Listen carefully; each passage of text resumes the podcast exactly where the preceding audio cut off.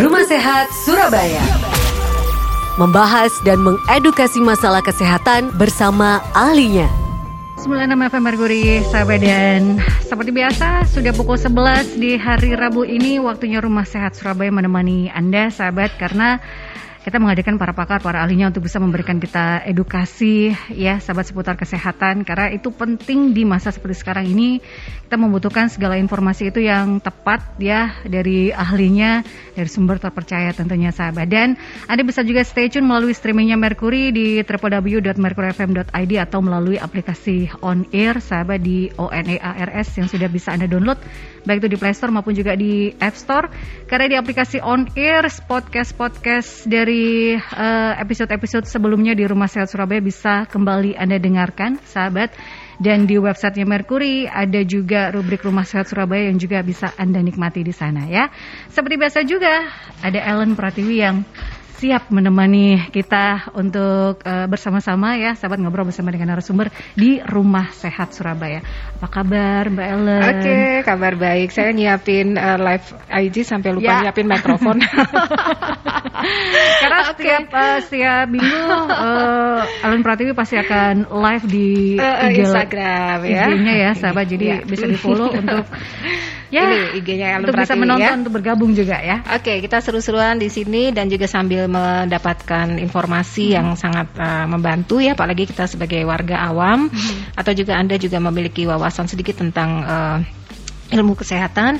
Di sini akan kita berbincang-bincang tentang bagaimana uh, mewaspadai atau juga mencegah, juga uh, merawat gitu ya, hmm. karena uh, penyakit ini banyak sekali. Betul. Dan tentu saja daripada mendapatkan informasi yang hoax atau tidak jelas, ini langsung kita hadirkan narasumber-narasumber yang sesuai dengan tema-temanya. Hmm. Nah, untuk bulan ini kan berkaitan dengan uh, bulan kanker ya. Yeah. Kita sih uh, sebenarnya pengen dari sejak awal bulan uh, melaksanakan uh, talk show ini, wawancara hmm. ini, tetapi uh, dokter-dokter ini pastinya sibuk luar yeah. biasa, mungkin webinar-webinar, seminar-seminar gitu kan, yang online-online itu, sehingga beliau-beliau ada kesempatannya baru hari ini 17 Februari 2021. Hmm. Oke, okay, kami terima kasih sekali kepada Dokter Dwi Hari Susilo, spesialis bedah konsultan onkologi. Assalamualaikum Dokter Dwi, apa kabar? Waalaikumsalam wabarakatuh. Terima kasih Baik. sudah hadir juga Dokter Asdi Wihandono, spesialis bedah konsultan onkologi juga. Selamat siang Dokter Asdi. Selamat siang. Terima Terima kasih sudah berkenan hadir juga. Nah, kita akan berbincang-bincang ya. nanti dan tentu saja nanti ada interaksi dari pendengar ya. ya. Saya mengundang Anda juga sahabat untuk bisa bergabung bersama kita di sini. Anda bisa bertanya di line telepon ya di 5620096 atau melalui WhatsApp di 08173096. Tema kita di Rumah Sehat uh, Surabaya kali ini adalah mewaspadai kanker payudara dan juga cara penyembuhannya. Nah, ya. ini kan uh, kita sering banget mendengar kisah atau juga pengalaman mungkin hmm. saudara, teman atau yeah. siapa pun yang kita baca-baca tentang kanker payudara. Ya banyak cerita yang uh, bikin kita mungkin uh, sedih, banyak hmm. cerita juga yang bikin kita jadi waspada macam-macam lah. Yeah. Nah, kita ini sekarang uh, fokus pada mewaspadai kanker payudara, cara penyembuhannya dan sebelum kita melangkah khusus ke masalah kanker, kita tanya dulu nih untuk dokter-dokter saat ini. Bagaimanakah pasien-pasien dokter? Apa kabarnya dok setelah kabar dokternya baik? Kabar pasiennya aman dari COVID kah? Atau bagaimana? Atau uh, apa namanya? Jangan sampai ya, maksudnya udah ada kondisi kanker, kemudian terkena COVID itu resikonya juga seperti apa dok? Silakan hmm. dok.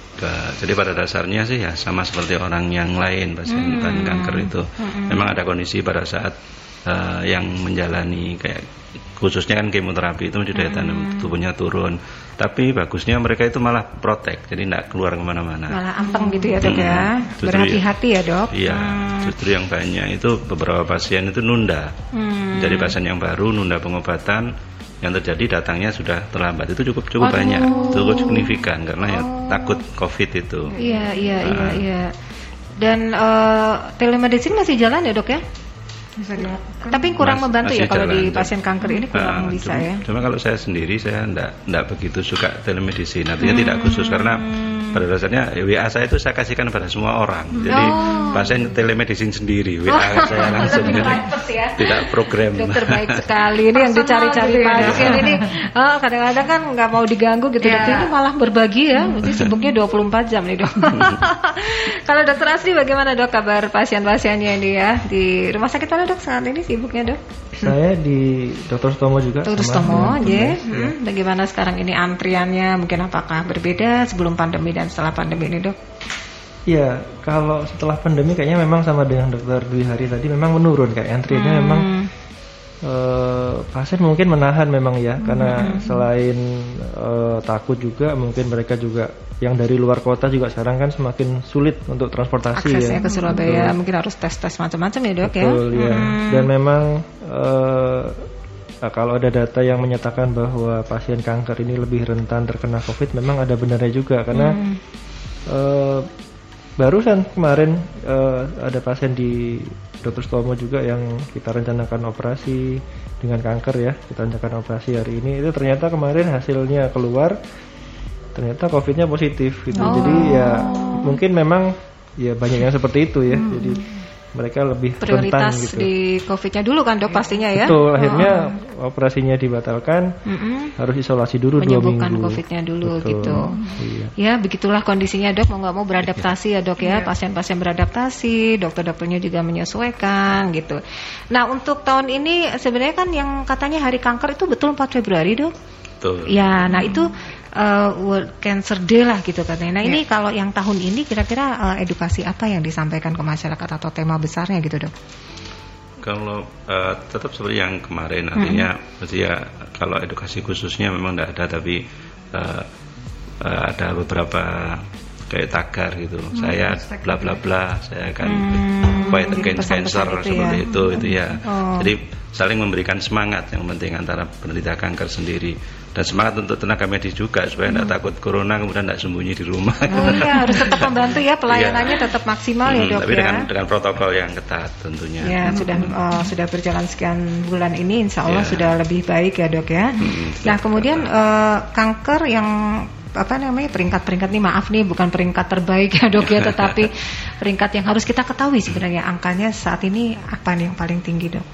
Paling tinggi itu ganti-gantian antara kanker payudara sama kanker serviks untuk wanita. Ya itu yang paling banyak. Kalau Hmm. Laki-laki paru. Oh paru juga Kolon, ya, ya, yang laki-laki. diwaspadai itu semua ya dok ya. Hmm. Iya. Karena memang Februari ini bulan kanker selain tanggal 4 15 Februari eh, hari kanker anak. Kanker Ya. anak. Kalau kanker payudara sendiri itu 26 Oktober ya. Ya nanti ada ininya sendiri Iya. ya. Oke. Nah ini yang uh, kita ingin tahu dulu nih apa sih yang kanker-kanker tadi kan ada ya ini kan secara umum ya. anak. Ah, ah, nah ini apa tuh kanker itu apa ya dok ya? Kalau bahasa orang awam katanya kantong kering. ini kalau menurut iya itu kalau dokter-dokter gimana mengistilahkan kanker itu adalah gitu dok yang secara awam dan kita bisa paham. Ya, jadi kanker itu adalah sebetulnya pertumbuhan yang abnormal yang tidak terkontrol dari sel di tubuh kita sendiri. Jadi kita tahu di tubuh kita ada triliunan sel di tubuh kita ya dan setiap satu dari triliunan tadi bisa kalau terjadi mutasi genetik, terjadi pengaruh dari polusi dan faktor karsinogen yang lain, kemudian tumbuhnya bisa tidak terkontrol, kemudian bisa membesar dan bahkan bisa menyebar ke tempat lain. Itulah yang dinamakan dengan kanker. Dan itu lokasinya bisa di mana saja ya dok ya? Di mana pun bisa, di seluruh tubuh kita bisa timbul kanker. Gitu. Penyebabnya biasanya apa sih dok? Apa makanan atau genetik atau apa nih?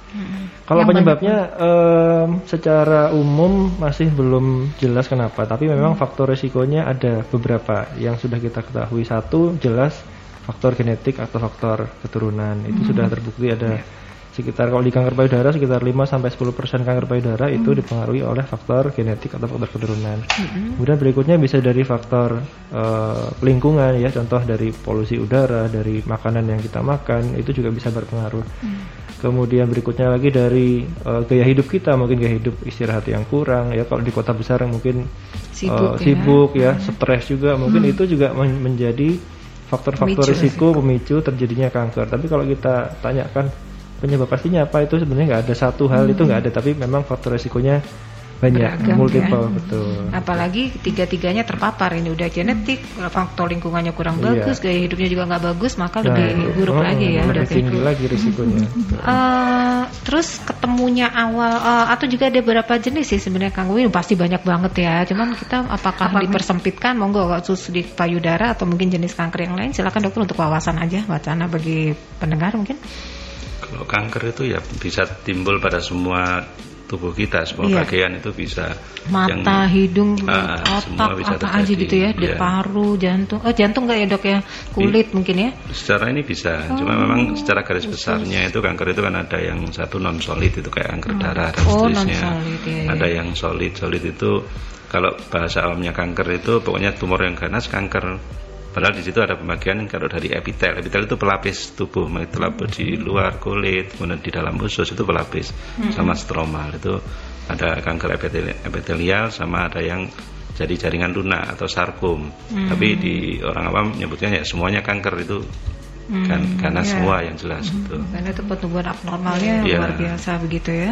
Pokoknya ada sesuatu hal yang eh, istilahnya ada yang tumbuh tuh orang pasti awam oh, kanker gitu doang ya dok ya. Padahal banyak sekali itu tumor dan lain sebagainya. Nah kita eh, bahasnya kali ini adalah kanker payudara. payudara. Nah, kita mulai masuk ke tema kita, mewaspadai kanker payudara dan cara penyembuhannya. Nah, ini kalau tadi sudah ada faktor resiko, ini kan kanker payudara agak khusus ya dok ya, artinya ya kalau lingkungan juga tidak mudah terpapar lah gitu karena posisinya juga kan terlindungi begitu ya. Kemudian gaya hidup, stres, apakah itu juga menjadi penyebab kanker payudara gitu dok? Atau bagaimana sebenarnya? Apakah hormonal atau bagaimana dok? Untuk kanker payudara sendiri ini penyebabnya dok? Jadi ya kalau seperti sudah dikatakan Dr. Asyi tadi, memang penyebabnya pasti multifaktorial. Mm. Yang terlihat bisa dari tadi sudah disebutkan semuanya keturunan, hormonal. Hormonal pada kanker payudara termasuk cukup dominan karena eh, yang sebagian besar untuk orang Asia khususnya Indonesia itu yang estrogen dependent artinya karena rangsangan estrogen jangka panjang di mana di payudara itu merupakan target organ estrogen juga karena untuk tumbuh payudara itu kan butuh estrogen juga di situ ada beberapa orang yang eh, reseptor estrogennya kuat. Sehingga kalau mulai main pertama sampai menopause itu terlalu expose estrogen terus-terusan. Hanya berhenti atau libur itu pada saat hamil sama menyusui. Sehingga ini merupakan jadi faktor risiko untuk timbulnya kanker. Kan pada wanita yang dipengaruhi hormonal kanker payudara gitu. Faktor yang lain yang mungkin agak eh, kadang-kadang nggak bisa tinggal itu stresor sebenarnya. Stresor kan sekarang banyak ya ibu-ibu yang yang stres karena kerjaannya atau mikirin apa gitu sekolah online kadang-kadang Ya. langsung. Emosi jiwa. Corona nah corona cukup signifikan jadi pada orang yang stres daya tahan Iya, stres tubuhnya jadi turun pemicu ya dok ya ternyata Hmm. ya, jadi pikiran ya dok ya. ya imunnya turun itu gampang sakit begitu. gampang kena kanker Jadi nyambungnya ke sana ya dok ya. Ya. Hmm, jadi begitu stres imun turun sel-selnya makin merajalela ini kan. Apalagi sudah ada faktor G ya genetik Iya, ya dok ya. betul. Itu sudah itu juga. Nah ini kan kalau faktor usia dok resikonya tuh mulai usia berapa sih kalau dari pasien-pasien dokter tuh mulai paling muda sama yang paling eh, lanjut gitu usianya? Mestinya kalau yang teori dengan hormonal itu eh, sebagian besar memang usia tua. Tapi kenyataannya Hmm. di Indonesia cukup banyak pasien kanker payudara itu pada usia yang masih muda. Nah loh ini kenapa usia belasan tahun 19 tahun Ya pernah Allah kan gitu. masih ini remaja dok. ya Mm-mm. itu yang perannya di faktor keturunan tadi. Oh, jadi cepat banget gitu ya, Hmm. langsungnya bisa terpapar gitu ya dok. biasanya yang mesti was- perlu diwaspadai itu kalau ada orang tuanya yang menderita kanker masih muda umur 20 atau di bawah 35 itu mesti ada faktor Hmm. Nanti gennya. keturunannya akan seperti Ah. ada ada resiko seperti ya, itu ya. tidak selalu sih Oh. ada, ada 10% gitu sehingga eh, implikasinya mesti harus waspada. Screeningnya harus lebih dini pada anak-anak perempuan pada penderita kanker yang masih muda. Nah ini kita ngomong kenapa ini ya, kok bisa ke anak muda? Tadi, terus cara me- me- mendeteksinya gitu dok. Artinya kan anak muda itu kan nggak terlalu paham gitu ya, mereka juga belum baca baca Faktor-faktor banyak apa tentang kayak, eh, kondisi seperti apa nih yang sudah harus Iya, dia juga mungkin hal nggak yang cerita ke orang nih, gitu. tuanya juga. Gimana dok? Biasanya kalau uh, supaya tahu lebih awal gitu untuk anak-anak remaja ini. Memang ya yang kita sarankan pada orang tua yang menderita kanker mesti Lebih aware ya iya, ke anak ke anaknya putri-putrinya aware. ya. Hmm, Karena anak-anak itu kadang-kadang ada benjolan. Saya beberapa hari yang lalu ada pasien gitu, nggak ngomong, tahu-tahu sudah besar. Nah iya, Nah, soalnya itu. kan takut ya, apalagi berbicara tentang organ ini ya kewanitaan gitu, jadi agak nggak ter- bisa terbuka. atau malah biasanya berpikir itu hal yang uh, Biasa. bukan Biasa. menjadi problem gitu ya dok ya. Ah, nanti mungkin hilang, mungkin nanti bisa mengerti. Jadi benjolan tuh harus diwaspadai. Sudah harus ya, ya? diwaspadai. Iya. Walaupun masih usia remaja juga bisa timbul ya benjolan itu ya dok ya. Bisa, bisa. Oh, Nah ini kalau ngomong-ngomong payudara bukannya maaf untuk kaum pria juga punya nih dok. Ada resiko nggak sih sebenarnya nggak hanya untuk wanita Atau faktor aja resikonya lebih kecil daripada perempuan? Karena Gimana, tidak Dok? melahirkan, tidak Iya. tidak punya hormon itu tadi dok. Tetap ada resiko pada laki-laki. Oh, Mungkin begitu. sekitar 1 sampai 5 persen itu bisa timbul kanker payudara pada laki-laki. Mm-mm. Karena di situ kan laki-laki juga punya hormon estrogen, payudaranya juga bisa berkembang. Oh, Ya, iya, bisa iya. timbul. Hmm. Aduh, Ada ini. beberapa tokoh mungkin ya saya enggak, enggak etis kalau nyebut Ya, namanya ya, ya. ya, ya. Itu juga ya? payudara ya. Ya, ya. Akhirnya apa tindakannya dok? Ya operasi juga gitu seperti eh, apa? Prinsipnya sama antara laki-laki sama perempuan. Cuma Pengobatannya sama ya. pada laki-laki itu kan karena payudaranya kan relatif lebih kecil. Mm-mm. Sehingga kalau misalkan tumornya dengan ukuran yang sama pada laki-laki itu diperlakukan lebih advance karena dianggap bahwa ini sudah dekat jaringan yang di luar payudara gitu. Jadi seolah-olah itu oh misalkan kanker payudara pada perempuan yang besarnya 4 cm itu perlakuan agresivitas terapinya mungkin sama dengan laki-laki yang cuma 2 cm. gitu. Oh, Jadi iya, lebih iya, iya. agresif ya. Wah, jadi ini seru juga ya. Iya. Artinya kan eh, orang tua juga mewaspadai bahwa kanker eh, orang tua atau dulu punya eh, ibu-ibu yang memiliki kanker bisa jadi nanti ada eh, keturunannya yang juga terkena kanker dan itu bisa putra bisa putri begitu ya, Ya, dok ya. betul. Jadi screening bisa dilakukan tidak hanya kalau memiliki anak putri saja Mm-mm. gitu ya. Iya, dok ya. oke. Nah Kemudian- biasanya screening eh, dilakukan sedini mungkin itu pada usia berapa sih dok? Kalau sudah memiliki orang tua yang eh, ada genetiknya kanker gitulah, itu us- usia berapa dok? Ya, kalau dengan riwayat kanker, kalau yang kita bicara yang biasa dulu, kalau yang tanpa eh, riwayat keluarga kanker, biasanya umur 40 tahun ke atas, baru kita lakukan mamografi eh, setiap tahun atau dua tahun sekali. Tapi kalau memang ada riwayat keluarga dari orang tua misalnya yang sudah menderita kanker payudara lebih dulu, maka umur itu menjadi lebih muda.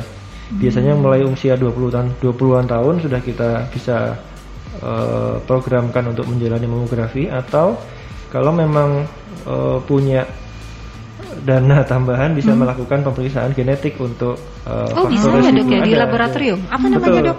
Jadi pemeriksaan untuk aja eh, gen ada gen BRCA namanya BRCA1 dan BRCA2 yang terbukti sudah eh, pada pasien kanker payudara yang Bisa ketahuan keturunan ini Mas? itu banyak yang terjadi mutasi di situ. Oh. Jadi kalau misalnya ibunya ini menderita kanker payudara, kemudian anaknya punya anak perempuan yang pengen diketahui apakah anak saya ini ada risiko kanker payudara nggak ya, bisa diperiksa gen BRCA1 dan 2 tadi itu. Oh. Selain tentunya dengan mamografi dan pemeriksaan payudara sendiri setiap bulan sekali. Oh.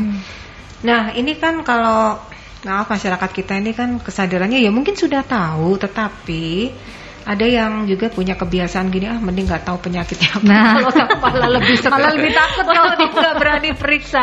Gimana dok? Apakah masih ada hari ini seperti itu? Jadi terlambat gitu kan akhirnya ke dokternya ya? Masih ya dok ya? Masih. Iya. Padahal kalau screening awal itu akan Mending kesembuhan bisa no, malah roh penyakitnya. Yang saya dapat malah justru gini, yang yang cukup banyak saya dapatkan di praktek itu eh, waktu datang sudah tumornya besar. Kemudian saya punya loh bu ini mulai berapa lama? Iya dok ini sudah lama kurang lebih ada satu tahun lebih loh. Kok nggak segera diperiksa? Iya dok tapi nggak sakit nggak apa. Nah itu yang salah. Jadi justru keluhan kanker payudara itu malah nggak nyeri. Iya, iya. Nah, Tidak tapi kalau sampai nyeri. betul nyeri pada kanker payudara itu sudah kalau kondisi sudah eh, stadium yang advance sudah sampai menimbulkan eh, benjolan yang cukup besar, menekan saraf, kemudian ada luka itu baru nyeri dan pada saat nyeri biasanya sudah terlambat. Nah, jadi Iya. Biasanya mulai salahnya itu. nyerinya ya kan. Betul. Ini tidak- Menunggu nyeri, padahal Betul. sebelum nyeri itu sudah harus diperiksakan ya dok Harusnya ya? mulai dari benjolan ada benjolan kecil yang dirasa nggak normal segera periksa. Itu yang betul. Karena semakin cepat eh, Anda tahu, ini tingkat kesembuhan dari kanker payudara seberapa besar sih dok? Dari kalau semakin cepat diketahui, Dibanding yang udah Iya. terlambat tadi yang sudah nyeri gimana? Ilmunya kalau ketemunya stadium awal lebih bagus, artinya eh, kemungkinan untuk keberhasilan pengobatannya bagus, pengobatannya lebih sederhana, kemudian angka mortalitasnya juga eh, lebih sedikit. Dan yang lebih penting juga kalau kanker payudara itu masih kecil, itu kalau dulu kan semua kanker payudara langsung diangkat payudaranya. Iya. Sekarang berkembang pengobatan yang lebih dalam tanda kutip tidak primitif itu ya. Jadi di breast conserving namanya. Jadi payudaranya itu tidak semuanya diangkat, diambil benjolannya dengan jaringan sekitarnya yang sudah radikal nanti dicek pada saat operasi oh ini sudah bersih ya sudah berarti kita ngambil secukupnya kadang-kadang perlu di di flap misalnya direkonstruksi sehingga hmm. Perempuan khususnya yang masih muda selalu kita tawarkan kalau datangnya masih awal ya. kita tawarkan untuk mempertahankan payudaranya hmm. karena itu merupakan satu hal yang penting kan untuk ya. untuk penampilan body image untuk PD gitu kan gitu hmm. itu bisa jadi uh, dengan berkembangnya teknologi di kedokteran uh, tidak harus ya dok tergantung dari kasusnya. Jadi semakin hmm. cepat uh, terdeteksi maka uh, semakin cepat juga penyembuhan dan lain sebagainya dan menghindarkan dari yang orang awam pasti diangkat atau apa gitu ya. Hmm, kalau misalnya dicegah itu gimana sih dok? Nggak bisa ya? Uh, artinya ditunda atau juga ada minum atau mengkonsumsi makanan tertentu. Katanya orang kan mencegah kanker gitu. Ada nggak sih apa namanya uh, obat terapi suplemen atau apa pun begitu dok? ada nggak? Monggo silakan. kalau, kalau untuk pencegahan, kalau secara umum kan, uh, misalnya tahu nih ada genetik dari orang tua, ini bisa ya. nggak ya. dicegah kita? Oke, okay.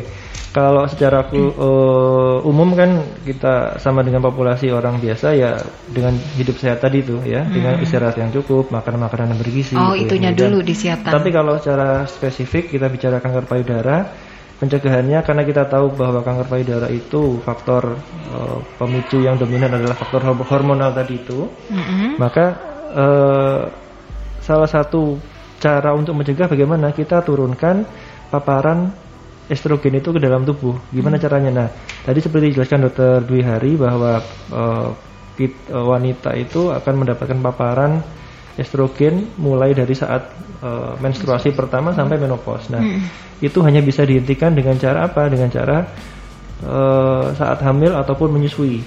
Maka estrogen itu akan turun. Nah, jadi salah satu caranya mungkin ya bagaimana caranya kita jangan terlalu lama terpapar oleh estrogen ya kita stop siklus estrogen tadi itu biar nggak terlalu tinggi dengan cara apa?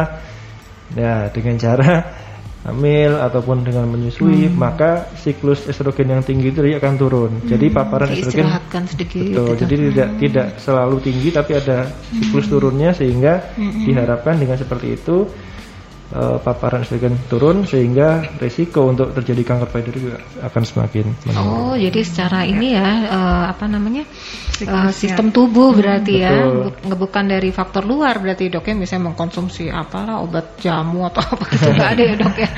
Maklum kita kan ini ada iklan-iklan gitu kan dok, iya, jadi kita ya uh, bukan itu sebenarnya itu hanya untuk mungkin menjaga stamina tubuh atau juga ya. ini aja ya. Dan satu lagi mungkin untuk mencegah supaya ketemunya lebih awal tadi itu kemudian hmm. supaya pengobatannya juga lebih mudah, lebih hmm. murah dan lebih baik um, apa angka kemungkinan sembuhnya maka kita harus uh, ketemunya harus awal. Jadi hmm. dengan cara tadi itu mamografi hmm. usia 40 tahun kalau tidak ada riwayat, tapi hmm. kalau ada riwayat mulai usia 20 tahun sudah bisa Betul. dan oh. dengan ada pemeriksaan payudara sendiri atau sadari. Sadari itu banyak di banyak lah ini kita Betul. bisa cari ya. sekarang ya bagaimana cara sadari itu. Ya. Dan uh, kita mungkin nanti akan melanjutkan ya. lagi ya. Karena sudah. perbincangan tentunya uh, semakin seru juga sahabat dan sekali lagi saya mengundang Anda untuk bisa bergabung di line telepon di 5620096 atau di WhatsApp di 08173000 Uh, 96 ya Sahabat tetap saya cun di Rumah Sehat Surabaya Rumah Sehat Surabaya akan kembali setelah yang satu ini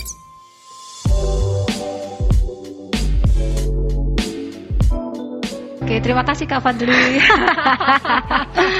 lagu Keren ini uh, lagu yang diciptakan oleh para dokter di Surabaya yeah. yang kemudian di uh, apa namanya disiarkan juga, maksudnya di share oleh uh -huh. uh, ID nasional di pusat gitu. Yeah. Yang bikin bangga adalah yang bikin adalah dokter dari Surabaya, mhm. Dokter uh -huh. Hendra Ratsmawan SPUG dan juga Dokter Soifi. Soifi SPUG juga ya. Nah, apresiasi SPUT. ya. SPUT. Oh, SPUT. Oh iya ya, oke. Okay. Nah, uh, mudah-mudahan berkenan pesan-pesan hmm. yang disampaikan karena suaranya enak jadi gampang dihafalin ya. Iya. Oke kita lanjut kembali ya kak ya. Kayaknya udah ada antrian uh, pertanyaan yang okay. masuk di WhatsAppnya Mercury. Oh ada lampu klip-klip uh, juga di situ. Kita ke posko. Yuli silakan.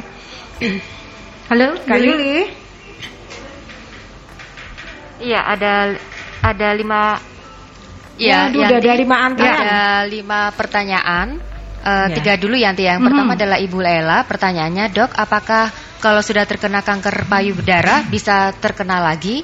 tapi di bagian yang berbeda. Misalnya dulu terkena di bagian kiri, tetapi berikutnya terkena di bagian kanan. Kemudian Pindah Ibu Ita, ya. pertanyaannya, tindakan kanker payudara itu apakah selalu dengan pengangkatan payudara itu sendiri ataukah ada tindakan yang lain? Kemudian Ibu Yeni, eh, apakah ada perbedaan antara kanker payudara dan tumor payudara? Tiga dulu Yanti. Ya.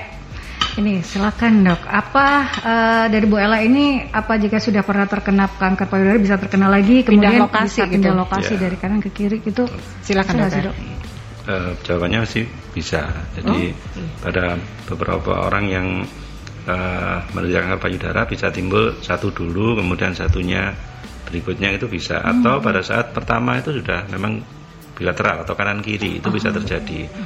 Eh, kanan kirinya ini bisa karena sama-sama primer, jadi misalkan kanker payudara kiri yang memang primer dari kiri itu, tapi juga bisa merupakan eh, metastase dari sebelahnya, misalkan dulunya kanan ke kiri ada. Itu bisa merupakan satu penyebaran. Jadi tetap tetap ada. Selama ada jaringan payudara yang normal di situ masih mungkin timbul kanker payudara. Cuma memang pada beberapa jenis kanker payudara itu ada yang eh, itu tadi keuntungannya meskipun penyebabnya sebagian banyak estrogen itu ada anti estrogen. Anti estrogen itu misalkan orang menderita payudara sebelah kanan nanti setelah mengalami operasi kemudian mungkin kemo, mungkin radiasi nanti ada maintenance-nya yang bisa cukup lama itu anti estrogen sampai 5 sampai 10 tahun.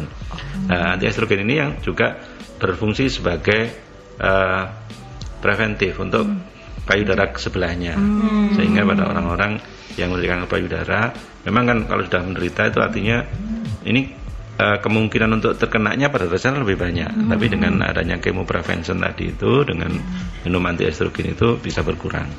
Tapi jawabannya ya memang ya pasti bisa kanan kiri. Dan ini pembelajaran juga ya. Jadi jangan berpikir bahwa kalau sudah selesai di kanan sudah bebas Iya. boleh makan apa saja, tapi harus di maintain gitu ya dok. Iya, jadi itu masuk di skala untuk pencegahan. Kan kan ada primer sama sekunder untuk prevention. Primary prevention tadi saudara Adi sudah bilang dengan mengendalikan hormonnya, secondary prevention dengan deteksi dini, tertiary prevention ini dengan deteksi keganasan di tempat yang lain. Nah ini masuk di sini. Jadi begitu selesai pengobatan kanker payudara itu tidak berhenti di situ. Itu merupakan babak baru yang mesti harus lebih waspada untuk timbulnya kanker di bagian tubuh Jadi yang terus lain. bukan Ya, nggak ya, kontrol ya. lagi Ya, gitu ya dok ya betul. setelah operasi itu malah juga mesti rajin, Ya. mesti rutin gitu ya. Karena sudah sudah ada Pernah di tubuh. terpapar Iya. ya. Mhm. Oke oke. Nah, ini yang dari Bu kedua, Ita, tindakan kanker payudara apakah harus selalu dengan pengangkatan? pengangkatan, seperti tadi yang dengan diceritakan lebih detail dok ya. Ya. Ya, kalau untuk nah, eh, operasi untuk kanker payudara sebetulnya tadi sudah disebutkan dokter Dwi Hari eh, ada operasi yang namanya breast conserving surgery atau operasi di mana payudara itu tetap dipertahankan.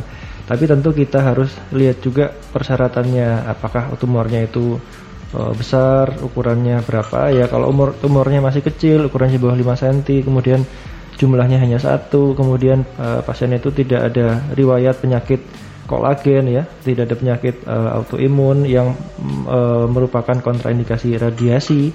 Eh, pasien itu bisa dilakukan operasi hanya dengan mengangkat benjolannya plus jaringan sehat di sekitarnya sedikit. Jadi tidak perlu diangkat semua eh, payudaranya, tetapi memang tadi saya sebutkan harus sesuai dengan eh, kriteria. Kalau sesuai dengan kriteria maka masih bisa dilakukan operasi breast conserving yaitu operasi yang tidak mengangkat seluruh payudaranya. Gitu. Jadi memang tidak selalu Tidak gitu ya. selalu, ya. betul. Kemudian dari Bu Yani apa ada perbedaan antara kanker payudara dan juga tumor Nah payudara? ini yang bikin ini yang kan, ambigu. Kalau Iya. orang kedua dengar Iya. tumor masih santai dok biasanya. Iya, Tapi begitu betul. kanker langsung panik gitu. Hmm. Gimana dok? Jadi eh, kalau tumor itu adalah semua benjolan abnormal di tubuh. Itu bisa berupa tumor jinak atau tumor ganas. Ya. Nah, kalau kanker kanker ini ini yang ganasnya ini. Jadi dua-duanya memiliki kesamaan dalam hal bisa tumbuh membesar di tempat yang sama di situ. Tapi kalau kanker itu ada kemampuan untuk menyebar. Jadi bisa dia bisa kayak ada akarnya orang bilang akarnya yang merusak jaringan sekitarnya lebih jauh, kemudian bisa menyebar lewat darah, lewat getah bening gitu itu yang kanker. Hmm. Jadi kadang bisa berpindah ya dok, habis terkena kanker payudara nanti bisa ke pan, apa ke paru, paru dan ya, lain gitu kan. Tulang Gitu itu bisa. Itu yang ganas kadang ganas. ya. Nah, itu untuk eh, Bu Yeni eh, ada lagi pertanyaan yang Dua masuk lagi atau saya baca dulu ya? Saya baca terlebih dahulu dari Bu Nina, apakah anak-anak di bawah umur ini bisa juga terkena kanker payudara? Sebab MSG disebut-sebut bisa menjadi eh, pemicu kanker, Dok. Dari Makanan Bu berpengawet Nina. ya. Mhm. Mhm. Kemudian dari Bu Rima, ada kasus seorang wanita neneknya meninggal dunia karena kanker payudara. Ibunya juga meninggal karena kanker payudara, sehingga si perempuan ini berpikir kalau eh, ada faktor genetik dan pasti kena akhirnya memutuskan untuk mengangkat payudaranya. Apalagi sebelumnya pernah ada benjolan di payudara, tapi bukan kanker. Lalu yang seperti ini bagaimana dok? Apakah cara ini memang bisa menghindarkan kanker payudara padahal belum terdiagnosis gitu dok? Kayak artis itu ya kan ya. Oh, iya. Angelina Jolie, Angelina Jolie, iya. Iya.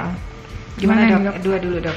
Ya. Anak-anak, kemudian juga Ah. pengaruhnya dengan makanan Iya. yang mengandung MSG, pengawet dan teman-temannya itu dok. Hmm. Coba jawab dulu yang pertama. Mm-mm. eh, yang dimaksud bawah umur berapa ya? Mungkin eh, Di bawah belasan tahun kali ya. Iya. Kalau untuk kanker payudara biasanya kita bagi memang eh, kanker payudara yang premenopause dan postmenopause. Hmm. Kalau premenopause apakah bisa eh, terjadi umurnya dalam kurun apa dalam dekade yang kedua eh, atau ketiga ya umur umur belasan atau dua bulan bisa sangat bisa. Eh, dan tapi memang eh, jumlahnya tidak terlalu banyak. Justru eh, yang paling banyak memang adalah yang postmenopause. Tapi kalau ditanya apakah bisa atau tidak, bisa. Tapi mungkin batasannya adalah eh, setelah terjadi menstruasi pertama ya. Oh, kalau anak-anak masih sebelum itu masih nggak Belum. memungkinkan ya dok Iya, ya, nggak kalau ada nggak ada jalarannya gitu maksudnya. kalau Oh. sebelum menstruasi kemudian ada benjolan eh, sangat dicurigai itu adalah mungkin jenis kanker yang lain. Kalau kanker Hmm. payudara biasanya setelah setelah payudara itu mulai berkembang, kemudian setelah terjadi rangsangan dari estrogen, tentu setelah menstruasi, yang Menstruasi pertama awal. baru eh, bisa terjadi kanker payudara. Oh, Jadi awalnya bisa diketahui sejak menstruasi awal bu. Jadi seusia-usia dininya itu eh, patokannya adalah menstruasi menstruasi itu. Betul. Iya iya. Jadi anak-anak di bawah itu belum bisa dideteksi ya. Mungkin Oke. eh, yang lain gitu ya Iya, penyebabnya penyebab bisa. yang lain berarti kanker yang lain Betul. gitu. Oke. Bu Rima ada Makanan kasus- makanan maaf tadi MSG Iya, dan itu MSG. juga- bisa iya. pemicu atau Eh, kita kan dilarang tuh jangan makan makanan yang ini apa gitu ya, Dok? Iya. Gitu, bakar-bakaran gitu dok. Ya. Eh, kalau secara penelitian epidemiologi eh, makanan itu belum terbukti secara klinis bisa menimbulkan eh, kanker payudara. Jadi ada yang dibilang eh, kalau makanan jangan makan banyak vetsin gitu dan lain-lain ya. oh, pengawet. Ternyata setelah diteliti eh, kalau dari makanan belum ada satu makanan yang spesifik bisa menyebabkan kanker payudara. Karena biasnya banyak kalau kita eh, meneliti makanan kan nggak mungkin orang itu terus dipaparkan vetsin tiap hari kan nggak mungkin. Jadi biasnya banyak sehingga eh, kesimpulan akhirnya tidak eh, tidak langsung berkorelasi dengan kejadian kanker payudara, tapi memang secara umum kita sarankan untuk tidak terlalu banyak. Gitu. Tapi memang kalau penelitiannya memang belum terbukti secara klinis pasti. Oh ini karena MSG kemudian kanker payudara enggak. Gitu. Hmm, iya iya. Ini dari Bu Rima, eh, mulai nenek, ibu kanker payudara. Kemudian memutuskan untuk mengangkat payudara ini meskipun belum ada diagnosis. Maksudnya supaya nanti Iya, tidak ribet terhindarkan gitu dari untuk kanker proses-proses payudara. penyembuhan kanker kan juga ribet ya dok ya. Jadi gimana? Apakah diamputasi duluan terus itu bisa selesai dok? Itu yang namanya mastektomi profilaksis itu ya. Itu di salah satu advice yang diberikan pada pasien yang sudah diperiksa tadi dokter Asdi bilang untuk deteksi refleks risiko dengan pemeriksaan beraka. Jadi kalau itu positif, beraka 1, beraka 2 itu positif eh, bisa diperkirakan bahwa dari sepanjang hidupnya dalam umurnya itu nanti suatu saat dia akan terkena kanker. Jadi hampir pasti akan terkena kanker sehingga itu diperbolehkan untuk dilakukan profilaktik mastektomi. Optionnya memang dengan eh, pemeriksaan yang lebih screening yang lebih ketat juga bisa. Tapi profilaktik mastektomi ini eh, untuk sekarang sih masih belum merupakan satu prosedur yang kita tawarkan ke pasien. Nah, tapi lebih banyak kita edukasi pasiennya bahwa itu resiko nanti dalam sepanjang hidupnya nanti suatu saat dia akan terkena kanker. Nah, sehingga pasien yang memilih biasanya akan kita lakukan kalau pasiennya meminta setelah dia betul-betul memahami. Dan itu secara teknis bisa artinya dengan mengambil jaringan payudaranya saja dengan eh, kalau usianya muda kan masih butuh butuh penampilan body image. Itu masih bisa dilakukan rekonstruksi yang yang eh, sesuai dengan yang bisa dilakukan. Karena uh, dengan pengambilan jaringan payudara kita bisa mempertahankan mulai dari kulitnya, nipalnya atau putingnya bisa dipertahankan sehingga nanti direkonstruksi itu masih bisa bagus. Mohon maaf itu uh, menghilangkan fungsi dari payudara atau gimana dok? Kalau diangkat? Ya kalau fungsi untuk produksi ASI ya, ya tapi fungsi yang lain untuk kosmetik, mm-hmm. untuk percaya diri. Estetikanya ya, masih tetap masih ya, tapi untuk tetap. menyusui mungkin Nggak sudah bisa. tidak ya. mungkin ya, itu ya. sudah terputus semua ya dok. Ya, ya. Kalau estetika mungkin bisa operasi plastik dan lain sebagainya gitu ya, ya. dok, implan dan lain-lain itu sudah ada teknologinya sahabat ya. Uh, ada juga pertanyaan kalau kanker serviks itu ada vaksinnya. Nah, apakah, apakah bisa dicegah kanker payudara ini dengan ada kayak apalah gitu vaksin. ya. vaksin-vaksinnya gitu atau karena mungkin ya. penyebabnya berbeda ya dok. Artinya pencegahan dini gitu nggak ya, bisa ya, mungkin dok, orang awam kan misalnya serviks aja uh, ada vaksinnya kenapa payudara belum dok? Ya. Ya silakan dok. Ya. Uh, ya tidak. Karena kalau kanker serviks sudah diketahui ada satu penelitian yang menyatakan bahwa 98% serviks itu atau kanker serviks disebabkan karena infeksi HPV ya hmm, human yeah. papilloma virus. Jadi setelah ditemukan uh, vaksinasi untuk HPV tadi maka kemudian diberikan kepada mereka-mereka uh, yang berisiko tinggi jadinya bisa melindungi dari kejadian kanker serviks. Tetapi kalau kanker payudara seperti saya jelaskan tadi bahwa kanker payudara belum ada penyebab yang single yang kemudian dominan hmm. ya. Jadi sehingga sampai sekarang ya belum ada vaksinnya atau belum ada pencegahannya hmm. ya. Karena kalau serviks ya karena uh, ketemu. Jadi uh, dia sebabnya adalah satu virus. Begitu kita cegah virus itu supaya tidak bisa berkembang di serviks, akhirnya angka kanker serviks bisa menurun. Tapi kalau kanker payudara sampai sekarang masih belum ketemu. Hmm. Gitu. Nah, Jadi belum ada. Untuk perkembangan pengobatan kanker payudara yang terbaru ini apa teknologinya apa, apa nih dok? dok? Jadi uh, biar kita bisa terupdate ya. ya. Oh ternyata tidak hanya mengetahuinya lebih hmm. jelas, hmm. lebih pasti gitu dok dibanding zaman dulu gitu. Jadi kalau pengobatannya kanker payudara itu pada dasarnya kan uh, urutannya ya nanti urutannya hmm. bisa bolak-balik. Yeah. Jadi uh, selama masih bisa dioperasi operasi. Hmm. Kemudian ada lanjutannya untuk ajuvannya atau pengobatan tambahannya dengan kemoterapi, radioterapi, hormonal terapi, target terapi sampai terakhir imunoterapi. Jadi kalau operasinya teknologinya makin berkembang artinya kalau dari segi op, uh, teknik operasinya mungkin tidak banyak tapi teknologi membantu supaya hasilnya lebih baik. Hmm. Itu tadi dengan teknologi untuk deteksi dini sehingga ketemunya lebih kecil, lebih dini sehingga kita bisa tidak harus mengangkat seluruh payudaranya, hmm. bisa breast conserving, kemudian bisa rekonstruksi, kemudian uh, bahkan kalau benjolan yang kecil di screening tahu mamografi kecil itu kita bisa menggunakan dengan uh, untuk ngambilnya karena kecil dengan get wire itu hmm. kayak apa ke kecil ngambilnya tapi bisa terdeteksi pada benjolan yang belum teraba hmm. itu bisa jadi jadi udah lebih ini ya lebih hmm. apa namanya menyesuaikan lagi ya dok ya kalau kecil hmm. ya nggak perlu iya, semuanya ya, gitu ya gitu. Ya. Hmm.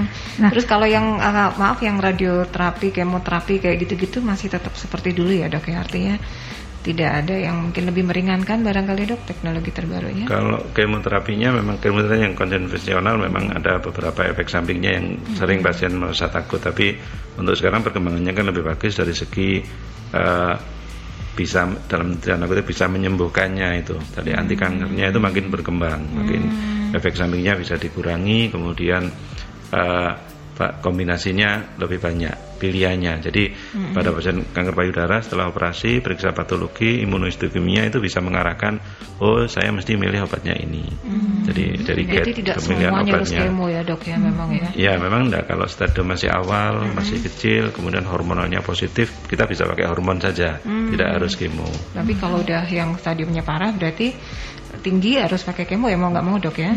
Uh, sesuai dengan Ini nanti ya, pemeriksaan ya? patologi oh. imunohistochemia. Pada hmm. tadi sebagian besar memang perlu kemo sama hmm. radioterapi kalau sudah lanjut. Nah ini yang perlu dipahami. Ya. Jadi ya ini kalau kanker semua di kemo gitu kan sebenarnya ini berdasarkan ini ya indikasi, indikasi ya dok ya. ya. ya nah selalu. untuk uh, eh, BPJS kan sekarang di cover ya dok ya? Cover cukup iya. banyak obat-obat yang di cover sama BPJS nah ini buat masyarakat jadi nggak usah takut periksa gitu yeah. takutnya nanti waduh biayanya kalau kanker ini udah kebayang kan dok ya akan yeah. bengkak akan macam-macam ternyata ada yang di cover ya dok ya hmm. jangan tunggu nyeri ya sahabat yeah. jadi kalau sudah ada benjolan langsung periksa saja nah yeah. kalau semisal dulu sudah ada pernah ada benjolan kemudian uh, sudah dioperasi apakah ini juga harus tetap rutin kontrol karena kan uh, biasanya anak-anak muda atau uh, yang masih kuliah atau apa dulu pernah ada operasi kemudian uh, apakah ini juga harus rutin adakah ini indikasi untuk terkena tumor atau jadi adakah ini apa standar misalnya mesti berapa lama sekali gitu untuk ya. kontrolnya gitu ya. tetap harus kontrol jadi hmm.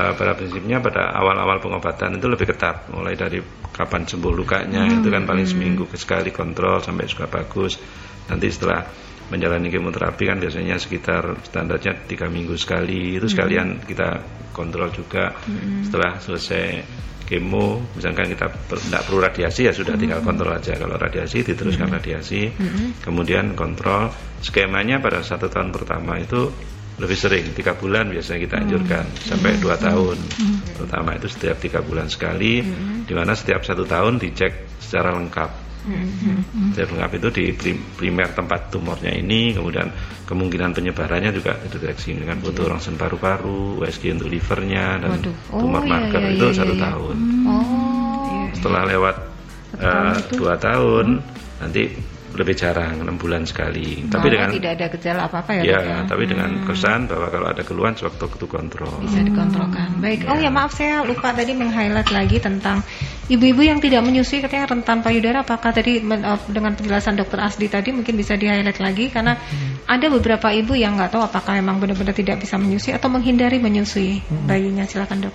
Ya, karena salah satu faktor risiko terbesar untuk kanker payudara kan tadi paparan estrogen ya. Hmm. Sedangkan kalau kita menyusui, estrogen akan turun. Yang hmm. lebih dominan adalah hormon yang namanya prolaktin yang hmm. Uh, akan memacu uh, produksi ASI. Nah, kalau tidak menyusui otomatis prolaktin itu tidak terlalu tinggi, sedangkan estrogen tetap tinggi. Jadi memang betul kalau memang seorang wanita tidak menyusui, risiko untuk kanker payudara akan semakin meningkat. Memang hmm. sayangnya begitu.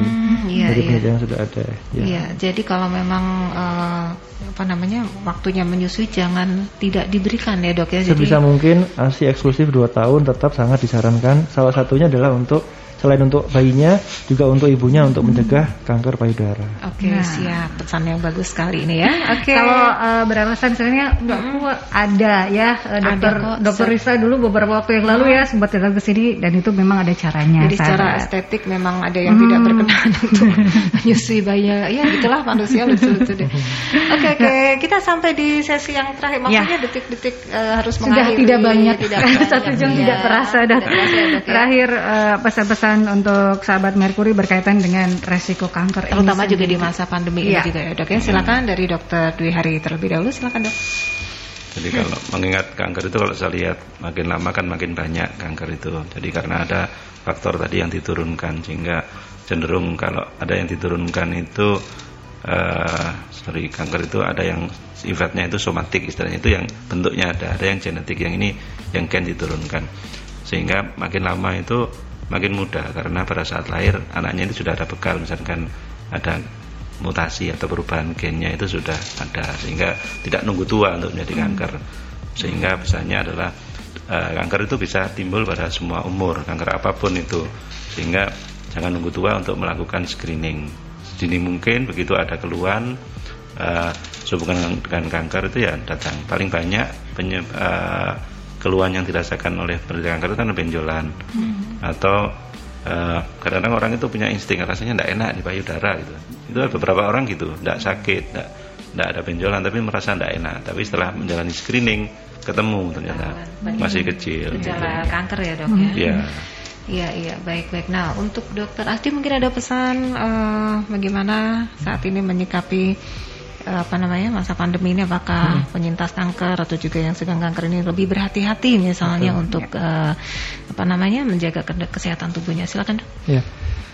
Baik seperti disebutkan sebelumnya tadi kan uh, salah satu selain hormonal juga faktor ses, uh, stres psikis atau emosional juga bisa menjadi uh, faktor risiko untuk jadi kanker payudara. Jadi apalagi selama covid ya mungkin ada uh, mereka-mereka yang tidak bisa keluar bahkan uh, pekerjaannya juga harus di PHK dan segala macam mungkin menambah stres uh, psikologis jadi kalau uh, pesan dari saya mungkin uh, tetap jaga uh, kondisi imun kita supaya kuat. Gimana caranya? Ya tetap uh, makan uh, sehat kemudian istirahat cukup. Dan satu lagi mungkin uh, um, apa gimana caranya kita bisa menjaga psikis kita supaya tetap positif ya. Jadi kita uh, tetap jaga vibe kita supaya tetap positif dengan cara apa? Dengan cara bisa dengan cara uh, exercise. Tentu exercise-nya yang uh, tetap memakai protokol kesehatan ya supaya kita uh, terhindar dari COVID. Dan uh, kalau untuk spesifik COVID-nya sendiri beberapa saat yang lalu dari uh,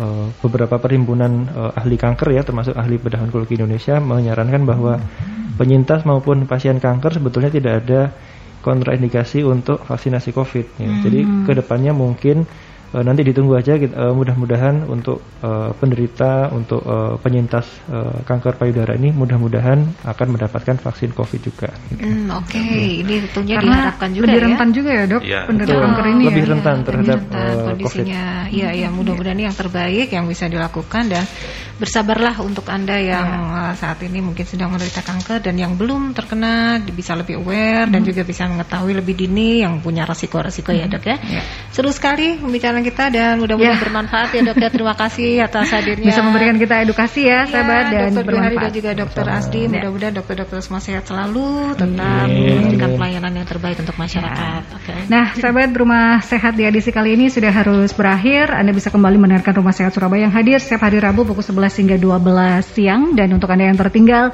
di episode-episode Rumah Sehat Surabaya Anda bisa mendengarkannya di podcast ya di aplikasi On Ears atau bisa juga mendengarkannya kembali atau membaca kembali di websitenya Mercury di www.mercuryfm.id. Saya Andri Lestari harus pamit dan juga Ya, saya Alam Pratiwi mengucapkan terima kasih atas perhatian Anda. Mudah-mudahan bincang-bincang kita siang hari ini bermanfaat untuk Anda semua. Salam sehat untuk keluarga di rumah. Semoga sehat selalu dan juga bisa menjaga terus 5M supaya kita bisa terhindar dari COVID. Saya Alam Pratiwi. Assalamualaikum warahmatullahi wabarakatuh. Terima kasih sudah mengikuti Rumah Sehat Surabaya.